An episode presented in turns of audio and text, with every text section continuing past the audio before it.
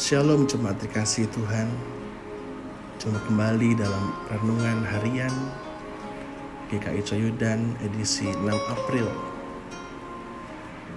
Bacaan kita pada pagi hari ini terambil dari kejadian 15 ayat 1 sampai 6 Kemudian disambung 12 sampai 18 Sebuah bacaan yang kembali mengisahkan bagaimana janji Tuhan dinyatakan kepada Abraham yang sedang ragu.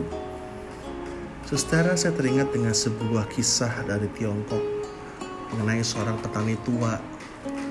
Dia punya seekor kuda yang dipakai setiap hari untuk mengerjakan ladangnya.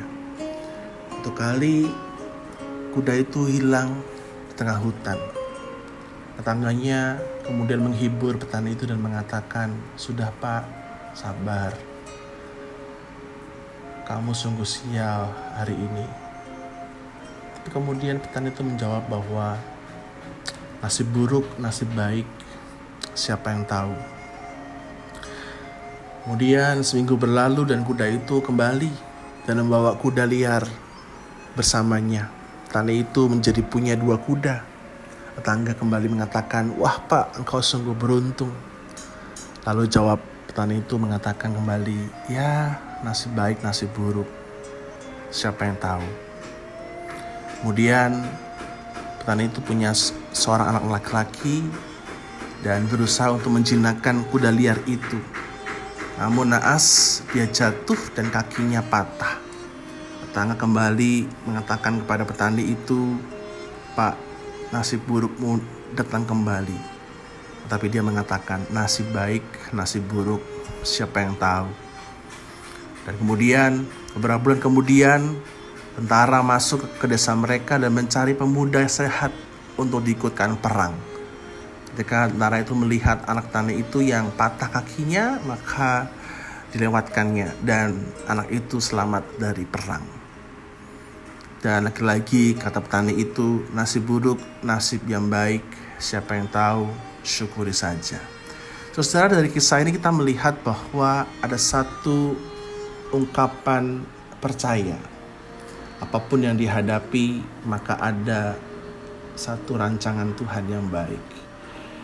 Demikian pula ketika kita melihat kembali dalam bacaan kita, Abraham tentu sangat pesimis ketika dia memikirkan kembali kehidupannya yang tidak punya anak.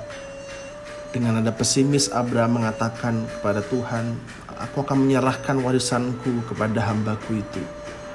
Namun Tuhan kembali menyatakan janjinya dengan memperlihatkan bintang-bintang yang banyak.